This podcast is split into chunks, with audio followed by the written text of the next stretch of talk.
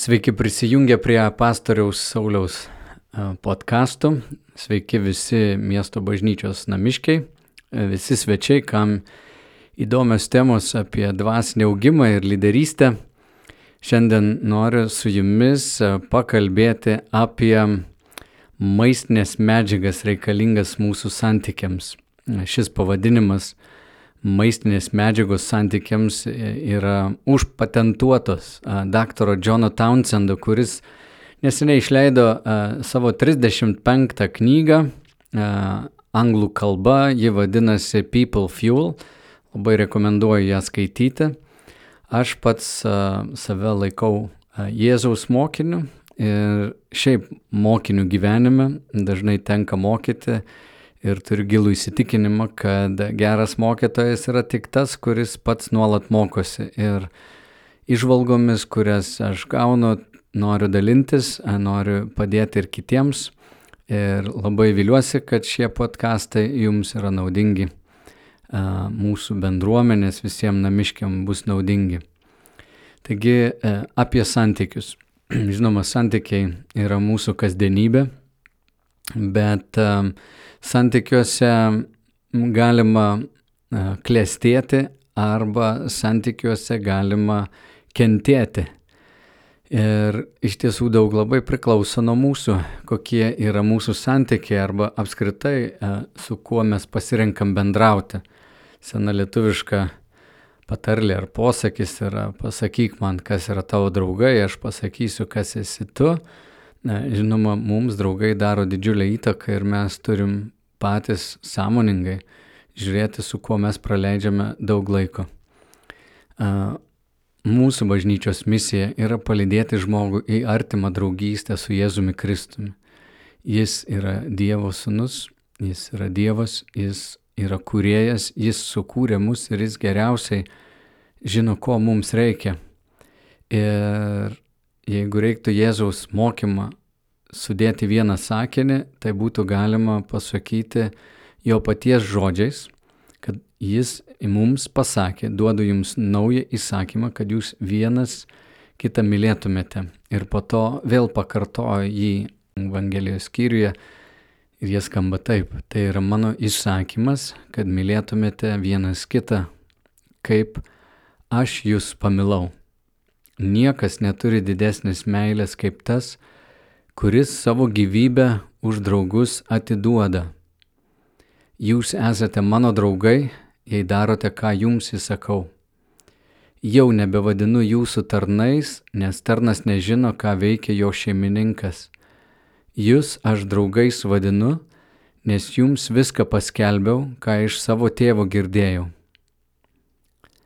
Jėzus sako, jog didžiausias įsakymas yra mylėti žmonės, kad mokiniai mylėtų vienas kitą. Ir ne bet kaip, bet mylėti taip, kaip Jėzus pamilo mokinius, taip kaip Jis mus myli, mes turime mokytis vienas kitą taip mylėti. Ir toliau Jėzus sako, kad nėra didesnės meilės, kaip tokia meilė, kur žmogus yra pasiruošęs savo gyvybę už draugus atiduoti.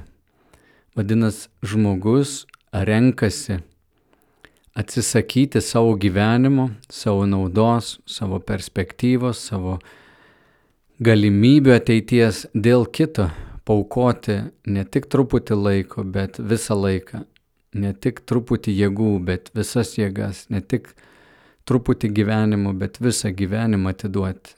Ir Jėzus tą įrodė ant kryžiaus mirdamas už mus, jis a, pasiaukojo, paukojo savo gyvybę, kad mes būtumėm amžiams sutaikyti su tėvu. Ir žinoma, romiečiams laiške prisimenu eilutes, kuriuose paštalas Paulius sako, jeigu Dievas nepagailėjo savo viengimio sunaus, kaip jis pagailės dar kažko jums. Vadinasi, Jėzus atidavęs gyvybę nepagailės nieko, ko tau ir man reikia šiandien, kad mūsų santykis su juo būtų geras. Šiandien neuromokslas mums sako, kad žmogus, bet koks žmogus, vyras ar moteris, jeigu neturi artimo ryšio su kitu žmogumi, neturi santykio, kuriame jis būtų matomas, pažįstamas, priimtas su visais savo trūkumais ir mylimas, jis negali normaliai funkcionuoti, normaliai gyventi. Vadinasi, žmogus, kuris gyvena izoliuotą gyvenimą nuo kitų, neturi sveiko santykio, neturi to gavimo ir davimo santykio, negali normaliai funkcionuoti. Žinoma, tai ir yra Jėzaus įsakymas mylėti. Neieškoti būti mylimu, bet mylėti. Ir čia labai toks stiprus pokytis e, mąstymė turi vykti, nes natūraliai turbūt pagal mūsų sugedusi gamyklinį nustatymą mes norim savo naudos, kai susitinkam su žmogum, mes žiūrim, kokia mums nauda iš to žmogaus. Mes susitinkam ir labai norim prisistatyti ir garsiai savo vardą pasakyti, bet ne visada išgirstam jo vardą. Norim papasakoti savo istoriją, ne visada mums įdomi jo istorija. Čia jau toks truputį pagėdusio žmogaus savanaudiška pozicija. O Jėzus sako, kad meilė atvirkščiai veikia.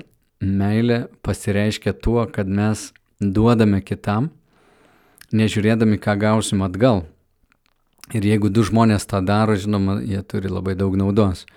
Dėl to santoka yra tokia gili ir praturtinanti, jeigu abu žmonės įsipareigoja vienas kitą mylėti ir jie vienas kitam daro gerą, tai abu yra tos naudos gavėjai.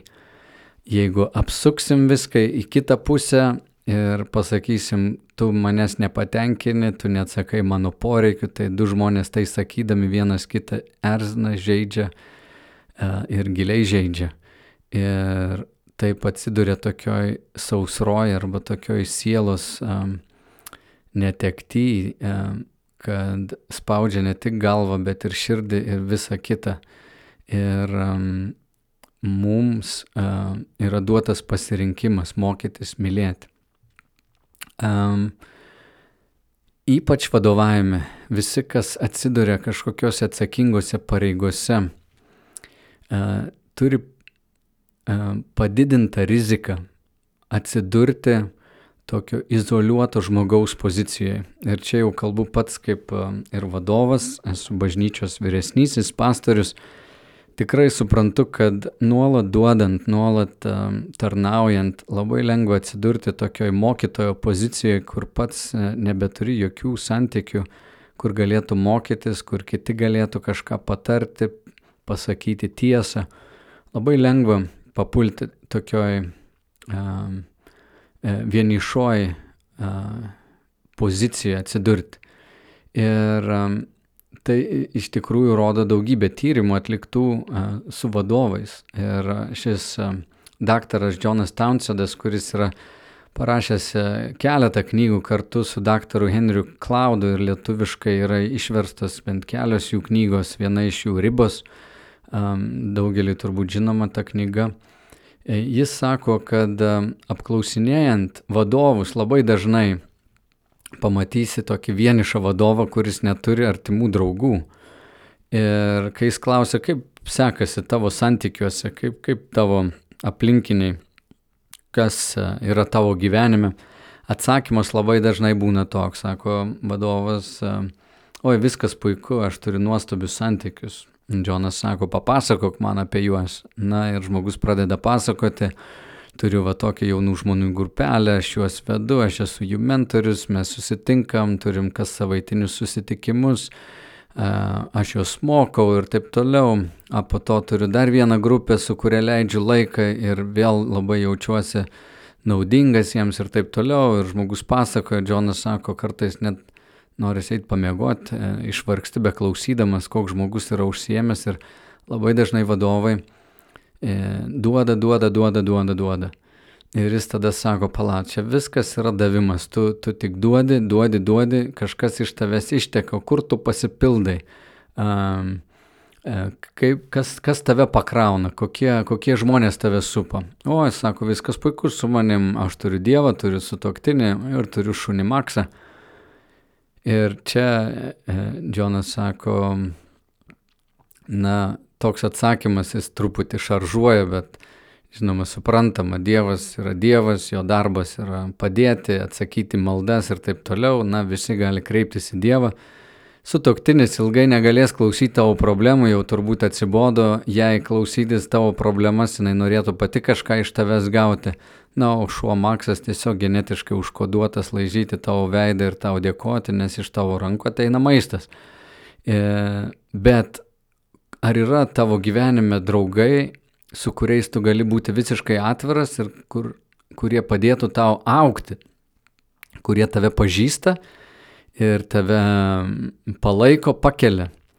Nes atsidūręs vadovo kėdėjai, žmogus labai dažnai ir šiaip jaučiasi pakankamai toks e, savim pasirūpinęs, e, nes dažnai vadovui tenka spręsti visokias problemas, jis turi turėti atsakymus ir, ir iš tuos atsakymus dalina ir dažnai tokia ateina um, toks įsitikinimas, kad aš daug ką ir šiaip žinau ir turiu žinoti, mano pareiga tokia žinoti ir, ir atsakyti į klausimus ir, ir duoti atsakymus. Uh, kitas dalykas, kas izoliuoja vadovą, yra kažkokios blogos patirtis atmetimo. Ir um, eini kažkokį santykį su draugu, bet kažkas ten įvyksta ir konfliktai ir visa kita, labai lengvai gali neberizikuoti savo gyvenimu, nerizikuoti santykiuose ir užsidaryti, nes jeigu labai stipriai neatsiversi, nieks tave stipriai ir nesužeis. Ir kitas dalykas, dar ypač vadovų gyvenime, turbūt yra gėdos tas jausmas, aš nenoriu būti silpnas, nenoriu kitiem atrodyti silpnas, būti pažeidžiamu yra iš tikrųjų sudėtinga, nors šiais laikais džiaugiuosi vis labiau ir labiau kalbam apie pažeidžiamumą ir kad žmonės nori sekti netobulų lyderių, o nuo širdžių atvirų žmogumi, nes sekti supermenu yra pakankamai sudėtinga, o paprastu nuo širdžių žmogumi sekti gali daug kas. Taigi vadovo kėdė jau truputį užprogramuoja žmogų tokiam izoliuotam gyvenimui. Ir norint um, turėti draugų, reikalingas ir planas, ir intencija tai padaryti, nes natūraliai geri draugai į gyvenimą neteina. O šiaip jeigu gerų draugyščių ir santykių žmogus neturi, jis rizikuoja e, turėti rimtų problemų apskritai su savo veikla, e, finansinių problemų. Nes neuromokslas įrodo, kad žmogaus smegenys, kurios nėra pamaitintos va tokių santykių, kai esi pažintas ir mylimas su visomis savo klaidomis, žmogus negali funkcionuoti, jis išgyvena stresą. Taip kaip gamtoje mes nerasim vakumo, gamta e, tiesiog nekenčia vakumo, jis užsipildo tuoj pat. Tai žmogus, kuris neturi gilių gerų santykių su kitais, jis bus labiau linkęs į tą rizikingą tokią poziciją pakliūti, kai um, užpildys tą vakumą, to santykio nebuvimą, meilės tokios ir tokio artimo ryšio nebuvimą, uh, užpildys priklausomybėmis, ar tai būtų darboholizmas, ar tai būtų įkritimas į, kažkokį, į kažkokias kitas priklausomybės, bet tas neprisirišimo vakumas, nebuvimas arti su kitu žmogum patrauks dažnai žmogų į, į, į, į tokią sudėtingą, problematišką savigydą, ieškoti vaistų, kurie veikia tik trumpam laikui, dažniausiai numalšina skausmą. Ar tai būtų kažkoks kvaišalų vartojimas, ar kažkokių keistų romantinių santykių a, ieškojimas, ar kokia pornografijos priklausomybė, panašiai. Tie dalykai, kurie arčiausiai po ranka, jie ir užpildo. Iš tikrųjų, žmonės įkrenta į tas priklausomybės dažnai vedami va tokių psichologinių problemų. Jėzusgi sako, kad didžiausias įsakymas yra mylėti, kaip aš jūs pamilau ir turėti tokį santyki. Ir jeigu tu esi va tokioj draugystėje ir sako, aš jūsų tarnais nebevadinu, vadinu draugais, nes aš jums viską paskelbiau, ką iš tėvo girdėjau. Jėzus čia kalba apie santyki ne tik kaip boso su savo pavaldiniais, bet jis sako, kad e, draugystė yra šitas pažeidžiamumo elementas, savęs paukojimo elementas, yra išsipasakojimo arba viską, viską paskelbiau, ką girdėjau, nieko nenuslėpiau, koks mano planas buvo, kokią misiją aš turėjau, ką aš norėjau daryti, aš jums viską pasakiau. Va štai koks yra Dievo planas mums. Mes turime turėti tokius santykius um, vienas su kitu. Ir žinoma, um, toks sielos vat, užpildymas, gilus pasitenkinimas įvyksta saugiuose santykiuose, saugioje bendrystėje arba draugystėje su žmogumi. Ir um, Jonas Townsendas uh, kalba apie keturis tokius dalykus, kurie reikalingi kaip, kaip maistinės medžiagos santykiuose. Štai kas turi pagal jį remiantis tyrimais, kuriuos jis atliko, kitos, kiti universitetai atliko tyrimus, jisai sako, štai kas reikalinga geruose santykiuose. Pirma, būk čia ir dabar. Gilus santykis įvyksta tarp žmonių, kai žmonės yra pilnai čia ir dabar vienas su kitu atviri bendrauti. Man atrodo, kad šiais laikais tai yra jau iššūkis. Netgi kai būnu pokalbį kartais tuos telefonus mes išsitraukiam, žinutės pipsi, laikrodžiai pipsi, nuolat protas bėgioja, informacijos kiekis, kurį mums reikia apdoroti, yra didžiulis. Nuolat tarp mūsų, vat, mumis, mumise sklando krūva idėjų minčių. Būti čia ir dabar reiškia tiesiog užsičiaupti ir klausyti žmonėms santykiuose labiausiai reikia empatijos, įsiklausimų, o ne patarimų. Tai geri santykiai arba ta maistinė medžiaga, kurios tau reikia, kurios man reikia, yra turėti žmogų ir pačiam būti tokiam, užsičiaupti ir klausyti. Jeigu mes norim pamaitinti savo draugą, mes turim būti empatiški, įlipti į jo rogės, pabūti jo batose, atsisėsti ten, kur jis sėdi, pabandyti suprasti jo emocijas. Antras dalykas - geroji draugystė, ką jisai sako. Turi tikėti draugu, parodyti savo geranoriškumą. Čia toks pamatinis dalykas, kad net jeigu santykiai yra konfliktas kažkoks ir tu nori judėti arčiau to žmogaus, spręsti konfliktą, yra labai svarbu, kad ir vienas, ir kitas tikėtų, jog mano draugas turi geriausius interesus dėl manęs. Jo intencijos yra geros. Iš tiesų net uh, neseniai turėjau pokalbį uh, su vienu bičiuliu ir mes kalbamės ir ten tokia įtampa sukilo ir man taip aišku pasidarė, kad visiškai nesvarbu, kokius mes sprendimus čia dabar darysim, spręsdami vat, savo nesutarimą, iš esmės yra pabirėjęs pasitikėjimas, kad aš noriu jo geriausio ir aš ne, nežinau, ar jis nori geriausio man. Ir gerame santykėje, draugų santykėje, tu turi tikėti draugu ir užtikrinti, kad aš tavim tikiu, aš tavim pasitikiu pirmin. Taigi čia antras dalykas. Trečias dalykas - pasakyti tiesą angliškai sako provide reality, tai yra apibūdink tikrovę, kas yra tiesa. Gal ne visi jūs esat žiūrėję uh, žvaigždžių karai, uh, yra tokia filmų uh, serija, čia gal jau kokie šeši filmai yra sukurti. Bet ten yra toks vienas veikėjas, Joda Džedajus, toks žalės veikėjas, mažo ūgio, bet jis tūkstantmetę patirtį nešiojęs ir kai jau įvyksta didžiulė krizė, blogis su gėriu kovoja. E, ir džedai kreipiasi, jis visada pasako, kas yra kas. E, mums santykiuose irgi reikia, kad kitas žmogus mums pasakytų tiesą. Papuolė į konfliktą ar kažkokią įtampą, ar šiaip gyvenimo kažkokią sudėtingą situaciją, tarkim, um, sutoktinio praradimas, ar, ar ten skirybos, ar, ar, ar atleidimas iš darbo, arba sunki diagnozė, uh, arba įtampa tarp kolegų. Ir tu ateini pas draugą, tau nereikia draugo, kuris tiesiog pataikautų, tau reikia draugo, kuris galbūt savo nesuinteresuotų tokiu požiūriu iš šono, būdamas netgi išorėje tos situacijos ar konflikto ar, ar, ar, ar diagnozės tavo ar, ar, ar, šiaip kažkokios įtampos, jis gali objektyviai pasakyti tau tiesą, kas, kas yra viršus, kas apačia, kur kairė, kur dešinė.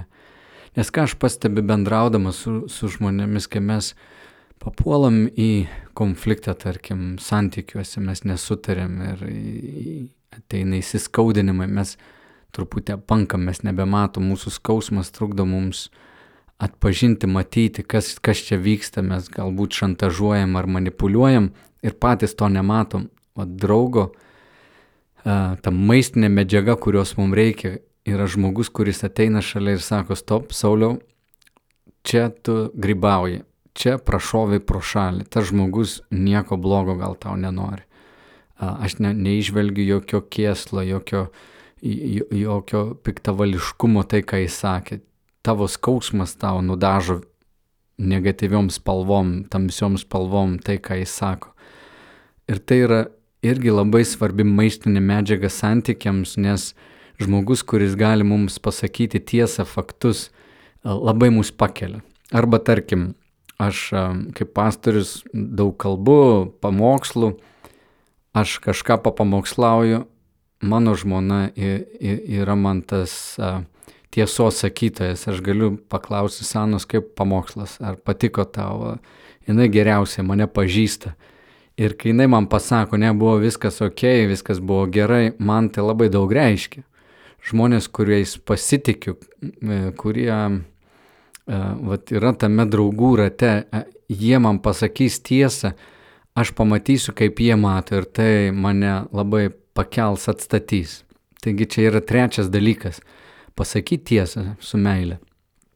Apie tai apaštalas Paulius rašė, kad bendruomenėje mes turim kalbėti tiesą su meile vienas kitam. Na ir ketvirtas dalykas tai yra kviesti veikti. Kartais mes mm, išsigastam mm, gyvenime, mums reikia priimti sprendimą, kažkas turi mus palaikyti, kažkas, kas sakys, e, pirmin, veik, eik, daryk, aš tavim tikiu ir aš būsiu su tavimi. E, tarkim, pamenu, prieš keletą metų vienos merginos paprašėm, kad įliptų ant scenos kalbėti ir jis sako, aš paniškai bijau.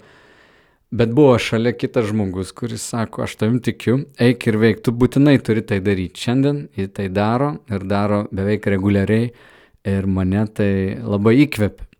Bet mum maistinė medžiaga santykiuose irgi yra žmogus, kuris tiki mumis. Lygiai taip pat mes irgi draugystėje turime a, kviesti veikti, kviesti eiti ten, kur kitas bijo. A, ir tai yra labai labai labai svarbu kad jaustumėmės a, tokie užpildyti, pripildyti ir pasitenkinę savo gyvenime. Taigi tie keturi dalykai - būk čia ir dabar, nepatarinėk, tiesiog klausyk, būk empatiškas, tikėk draugu, perteik, pasakyk jam, kas yra jame gero, pamatyk, kas jame yra gero.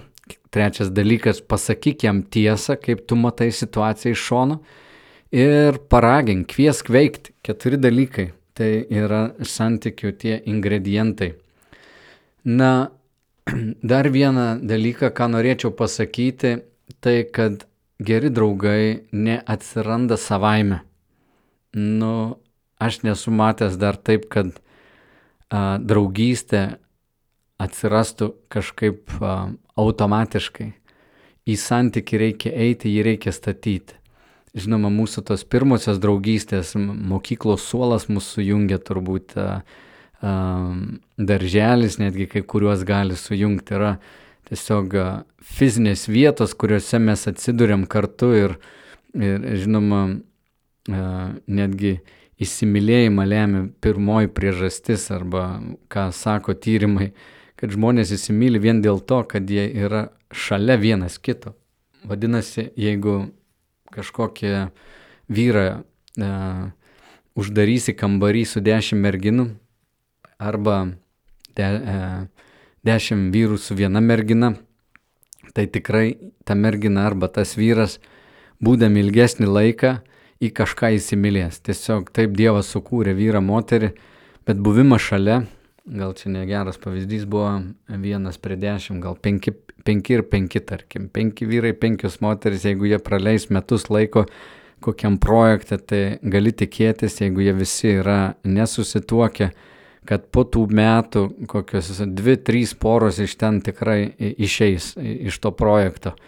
E, e, ką noriu pasakyti, kad kartais buvimas fizinėje erdvėje mus suveda, bet šiaip gyvenime daug yra ir tokio išsitaškymo arba išsivaikščiojimo, kai mes baigiam mokyklą, išsikraustom ir kartais jeigu tų draugų kažkaip neatsirado, ir tu pats neinicijuosi, neis, neieškosi tų draugų, tu greičiausiai jų ir nesurasi, jų stokosi. Štai tas pats Jonas Townsendas savo knygoje People Fuel arba kuras, žmogiškasis kuras, jis duoda tokį patarimą vadovams ypač, sako, jeigu nori susirasti tokių draugų, štai ką gali padaryti. Paimk savo kontaktų sąrašą, tarkim, ten yra 5-600 adresų, pereik per visą tą sąrašą ir tame sąraše surask 20, gal 30 žmonių, kurie tau atrodo, va, su šiuo žmogum galėčiau susitikti, pabendrauti, man jis patinka, mes kažkaip sulimpam, atrodo viskas būtų čia ok, jeigu mes būtum kartu. Ir iš tų 20 žmonių, kuriuos surandi, paskambink kažkuriam iš jų ir pakviesk papietauti. Tai jis vadina tokių keturių a, pietų strategiją. A, ir per pirmus pietus, kai bendrausit, kalbėsit, šnekėsitės, jūs kažkokiu momentu atsiverk jam, pasakyk kažką tokio pažeidžiamo. Tarkim, tu sakai savo tam bičiuliui, su kuriuo galbūt nesimatė ilgesnį laiką, bet tau jis patinka, tu, tu norėtum galbūt tą santykį truputį gilinti ir jam sakai, žinai, visai neseniai sužinojau, dukra pradėjo žolę rūkyti, net nežinau kaip elgtis. Ir tu pasidalini su kažko, kažkokiu skausmu su tuo žmogumi.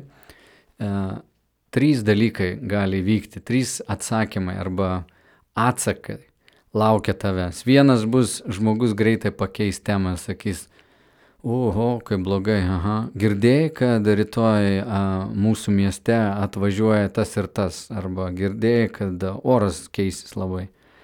Tai toks atsakas tau pasako vieną dalyką, man tavo problemų per daug, aš turiu savo problemų, neturiu laiko ir noras a, nieko daryti dėl to. Antras dalykas, tu sakai, mano dukra pradėjo rūkyti žolę, mes tolstam viens nuo kito, nežinau ką daryti, žmogus puola patarinėti. Klausyk, aš žinau, mano kaimynui tai buvo, žinai ką, jisai perskaitė tokią knygą, tau reiktų nueiti pas psichologą, gal čia tavo problema kažkokia yra. Ir patarimai, patarimai, patarimai. Tai niekam nereikia tiek tų patarimų kol mes nežinom, kad tam žmogui rūpi, mums dažniausiai ir nerūpi, ką jie nori mums pasakyti. Bet štai trečias variantas gali būti, tikrai tau taip atsitiko, a, pas mane gyvenime irgi panašus dalykas, arba užjaučiu seniai, um, hmm, net nežinau ką pasakyti, aš ir pats turiu iššūkių santykiuose su savo vaikais ar ten su sutoktiniu ir jūs apie tai kažkiek pašnekat, tu tada supranti, o šitas žmogus galbūt bus tas, su kuriuo aš galiu būti atviras.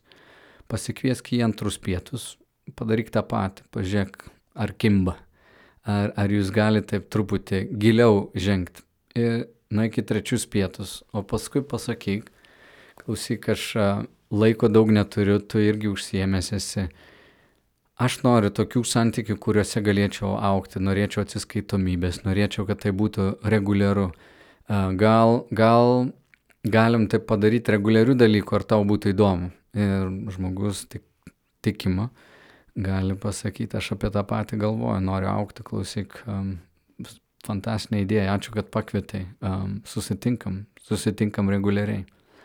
Ir tokia yra mano praktika, aš um, aš draugų ieškau ir jaučiu didelį diskomfortą, jeigu nebeturiu su kuo išsikalbėti. Šiaip aš linkęs išsiplepėti, kiti yra uždaresni, aš noriu dėti viską ant stalo, ką galvoju, man labai tai svarbu ir aš gaunu didelį tokį pasitenkinimą, jeigu turiu su kuo tai pasikalbėti. Nes kitų atveju, kitų atveju jausiuosi izoliuotas su savo problemom, e, jausiu įtampą ir tikrai netrodys, kad gyvenimas yra toks smagus pasivaikščiojimas arba smagi kelionė. O santykiai, kurie mūsų ugdytų, dar pacituosiu jums, ar nepacituosiu, bet perteiksiu keletą minčių iš tos pačios Džono Townsendo knygos. Jis kalba apie santykius, kurie mūsų supa ir kokių santykių labiau reikėtų mums. Mm, ir čia jis anglų kalboje septynios C arba C raidės.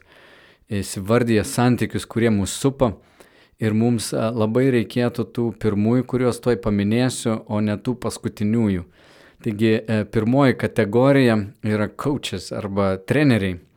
Ir jis įvardina, kad mums gyvenime labai reikia žmonių, kurie būtų profesionalai. Štai vienas sociologas Malcolmas Gladwellas yra parašęs tokią knygą, lietuviškai yra išversta, kalba apie virsmo tašką, bet joje jisai mini, apie tai, kad žmonės profesionalai, jie yra tokie žmonės, kurie praleido apie 10 tūkstančių valandų, kad pasiektų meistriškumą kažkurioje tai srity.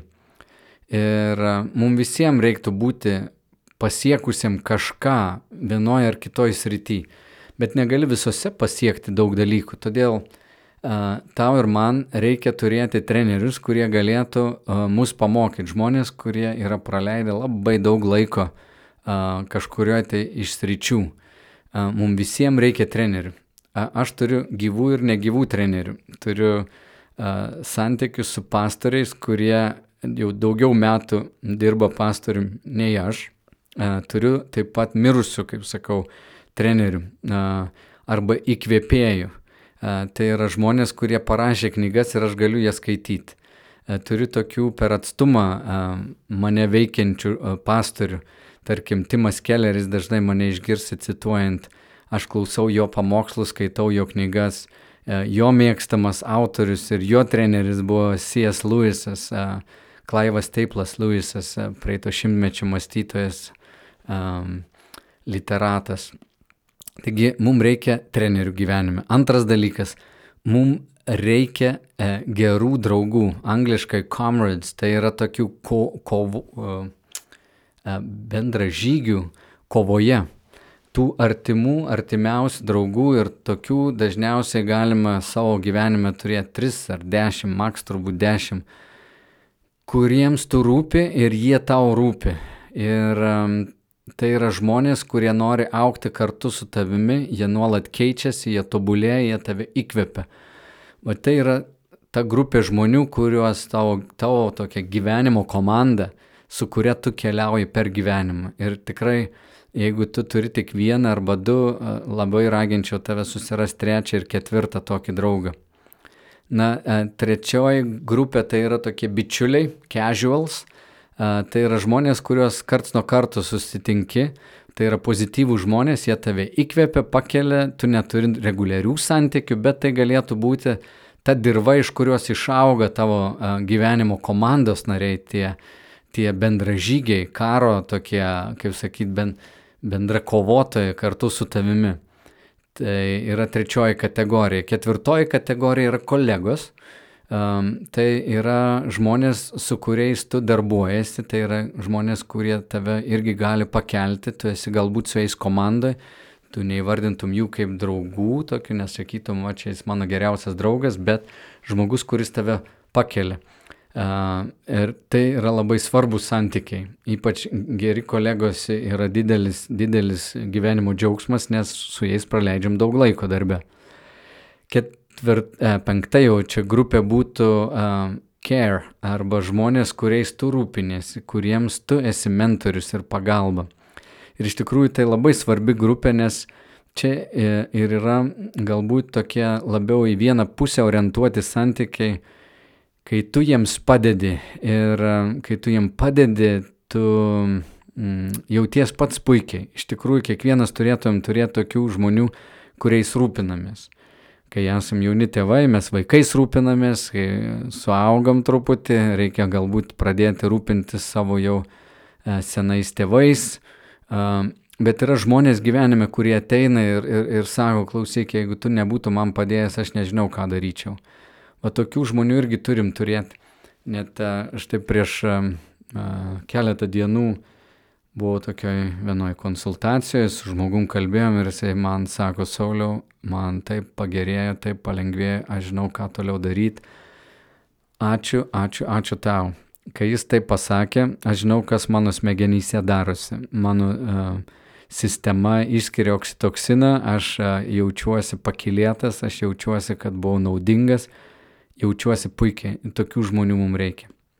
Na, šešta kategorija tai yra chroniški žmonės ir angliškai jis taip ir vadina chronics, e, žmonės, kurie niekada nesusitvarko savo gyvenime. Kaip jis sako, mes rytuose vadinam, pietuose Amerikos vadinam juos bless their heart, o vargiai, vargiai tokie žmonės. Uh, tai tu jiems esi uh, tokia aspirino piliulė, ateina, kai turi problemų, tu uh, Jie sako, padėk man, padėk man, pamokyk mane, patark, padaryk kažką, tu su jais leidi laiką, būni, padedi, tvarkaisi, užduodi kažkokių namų darbų, sakai, klausyk, va, padaryk tą ir tą, pamatysi, tau bus geriau. Po savaitės susitinki, kaip tau sekasi, a, o, nu, na, dabar neturėjau laiko ten tą padaryti, ką tu sakėjai, nu, turiu kitų problemų. Tai žmonės, kurie nuolat mokosi, mokosi ir niekada neišmoksta. Paštalas Paulius perspėja Timotiejų, jauną pastorių irgi, kad yra tokių žmonių, vaikšto iš namų į namus, plepa, plepa, plepa, nuolat mokosi, bet niekada neišmoksta. Ir tai yra tokie chroniški žmonės. O septintoji kategorija yra contaminants, tai yra nuodingi žmonės apskritai, kurie nesiekia tau padėti, labiau siekia tave pražudyti, tau kenkia. Um, ir tai gali būti koks nors giminaitis, gali būti kaimynas, gali būti bendradarbis. Žodžiu, tų žmonių taip pat gyvenime būna. Ir štai kas atsitinka. Tas kategorijas, kurias išvardinau, ypač vadovų gyvenime, dažnai vadovai esantis tie, kurie kitiems labai duoda, jie tų apatinių kategorijų turi žmonių, kurie įsirūpinasi, chroniškų žmonių, nuodingų žmonių. Bet trenerių, bendražygių, bičiulių, kolegų tokių pakeliančių jie stokoja. Ir apskritai, manau, tai tendencija visų žmonių gyvenime. Todėl e, gali peržiūrėti savo santykius, pažiūrėti, ar yra kažkokių chroniškų tokių santykių, kur a, tu leidi laiką, bet niekas nesikeičia. Gal tau reikia pamažinti laiką ir geriau praleisti laiką su a, bendražygiais, a, su tais, su kuriais eini gyvenimo kovoji, toj kelioniai. Gal yra nuodingų žmonių, su kuriais reiktų nustoti bendrauti, nes jie tau kenkia, jie, tu juos gelbėsi, gelbėsi ar apskritai bandysi taikytis ir nieko gero iš to nebus. Mano gyvenime yra buvę keletą tokių žmonių, su kuriais aš tiesiog nusprendžiau nebendrauti, esu užblokavęs jų telefoną. Yra žmonės, kurie yra grasinę man nužudyti, bent du tokius turiu, jų telefonus užblokuoju um, ir nenoriu nieko bendro turėti, nes, o, oh, tai tiek energijos suėda ir tiek gali nešti sumaišties į gyvenimą, kad tikrai rekomenduoju mažinti tas apatinės kategorijas ir uh, ieškotis geriau trenerių, kas tave pakeltų. Taigi um, tiek apie žmogiškuosius tuos santykius, apie uh, me, maistinės medžiagas, kurių mums reikia. Tikiuosi, kad šis podcastas uh, buvo naudingas tau ir kad tu buvai praturtintas ir tai padės tau gyventi geriau, padaryti tam tikrus sprendimus, atsirinkimus galbūt ir pažiūrėti, kaip pats galėtum būti geresniu draugu. Tokių gali ieškoti, bet svarbiausia sutelkti dėmesį, kad pats tokiu taptum. Taigi ačiū, kad buvote su manim, pastoriaus Sauliaus podkastai. Iki kito karto, sudė.